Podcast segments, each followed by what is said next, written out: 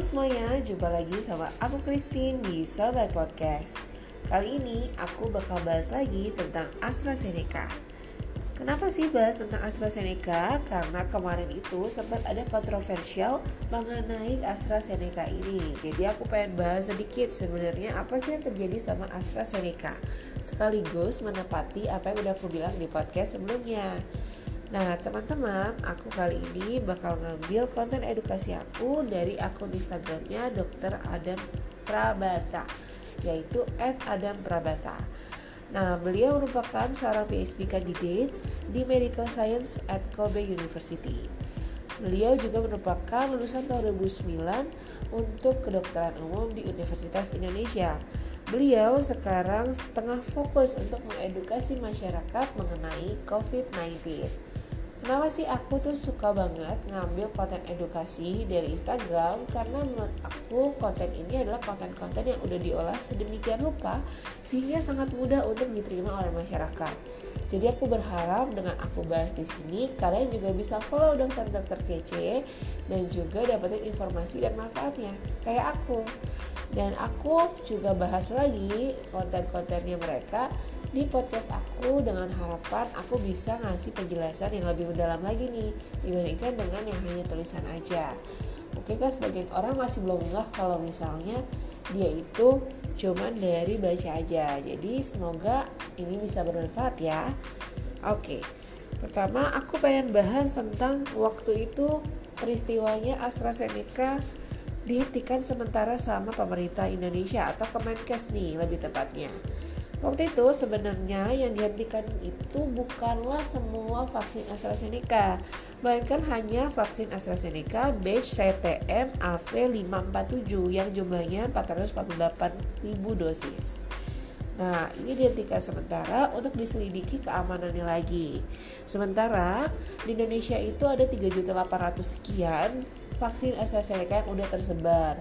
Jadi masih ada sekitar 3,4 juta lagi nih yang siap untuk disuntikan sembari yang itu batch yang satu itu dihentikan sementara.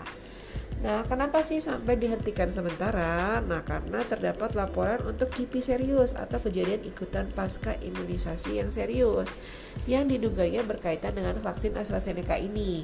Nah, kalau misalnya kalian pernah dengar tuh yang kayak ada meninggal gitu kan. Nah, diduga itu kipinya dari vaksin AstraZeneca yang ini yang batch ini aja tapi makanya Bepom menarik lagi tuh dihentikan sementara untuk dipastikan keamanannya lagi, diuji lagi toksisitasnya, sterilitasnya yang butuh waktu sekitar 1 sampai 2 minggu.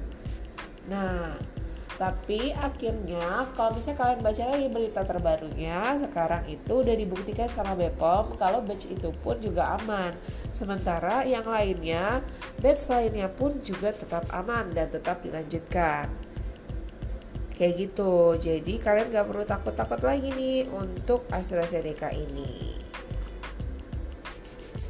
Oh ya, ada satu hal lagi yang menurut aku kalian perlu tahu tentang AstraZeneca ini belakangan ini kalian pasti dengarkan kalau misalnya vaksin-vaksin itu udah mulai kehilangan apa ya kepercayaan dari masyarakat karena banyaknya mutasi-mutasi banyak yang sakit banyak yang padahal dari vaksin tapi tetap kena covid. Nah tentunya ini kaitannya erat dengan banyaknya juga mutasi-mutasi terlepas dari memang banyak banget masyarakat yang juga protokol kesehatannya dikendorin setelah dia divaksin. Padahal vaksin itu hanyalah pelengkap dari perjuangan kita melawan covid-19 nah di sini ada yang perlu kita ketahui bahwa ternyata vaksin AstraZeneca pun bisa mencegah COVID-19 akibat varian India yaitu B16172.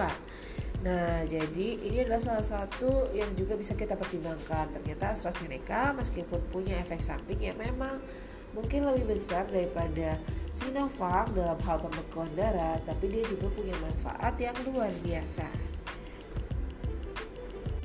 Berdasarkan penelitian-penelitian yang ada, penelitian terbaru ternyata didapatkan nih bahwa vaksin AstraZeneca itu punya efektivitas setelah suntikan pertama sekitar 32,9%. Sementara setelah suntikan kedua itu mencapai 59,8%. Jadi lumayan banget kan untuk menghindari varian India ini. Karena varian India ini udah ada berdasarkan penelitian tentunya lebih cepat menular. Meskipun belum terbukti bahwa ini memang lebih berbahaya. Tapi kan kita ngelihat berita-beritanya aja.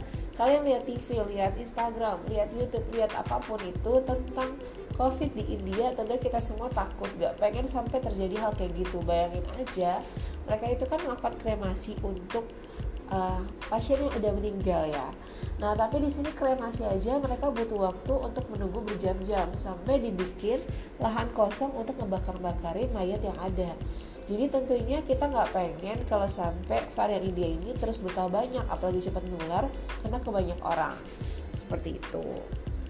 Nah, jadi teman-teman itu adalah yang singkat-singkatnya nih tentang si vaksin AstraZeneca yang memicu kontroversi di Indonesia. Nah, aku ingatkan lagi nih, karena kemarin juga pernah dibahas, bisa dicek juga di podcast sebelumnya. Tapi pengen bilang kalau misalnya efikasi dari vaksin AstraZeneca ini cukup baik loh, di mana sekitar 81,3% untuk mencegah COVID yang bergejala dengan jarak tentunya kalau sekarang kita tahu adalah 12 minggu nih antara dosis pertama dan dosis kedua. Dan sampai saat ini belum ada kipi-kipi yang terbukti untuk kipi berat itu yang disebabkan oleh vaksin AstraZeneca-nya sendiri.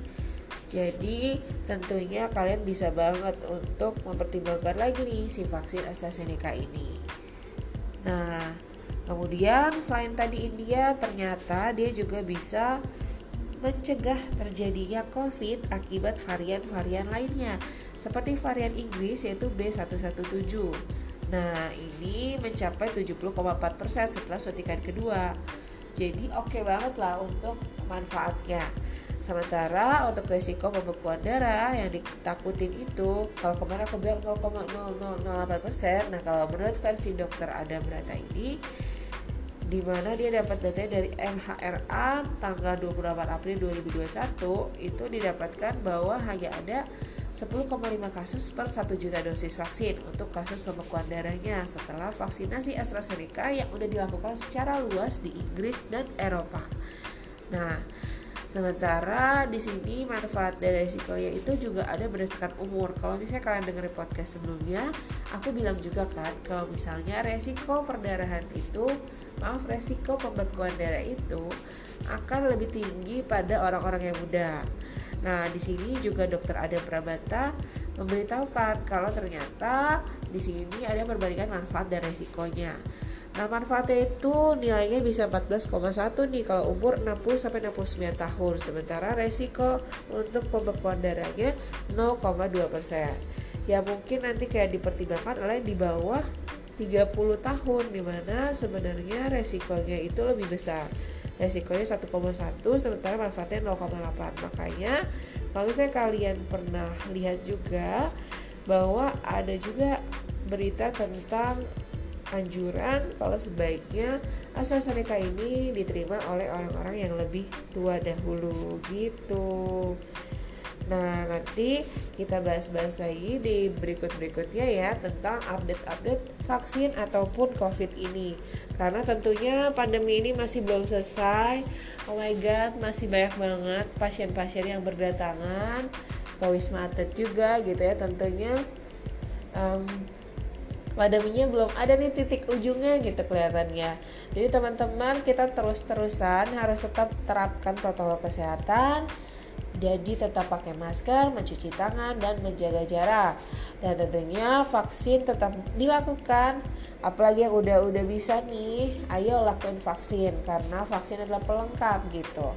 Jadi gak ada salahnya kan melengkapi senjata-senjata kita untuk melawan si covid ini karena kalau misalnya udah sakit pasti tentunya kita nggak pengen dong sampai berat gitu minimal ya dan itu bisa dicapai dengan divaksinasi kayak gitu teman-teman. Jadi tetap update ilmu juga ya tentang covid ini karena tentunya ini akan terus berkembang masih terus diteliti.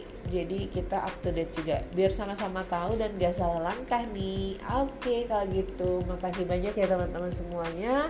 Sampai jumpa di podcast podcast berikutnya. Stay tune di Sunlight Podcast. Dadah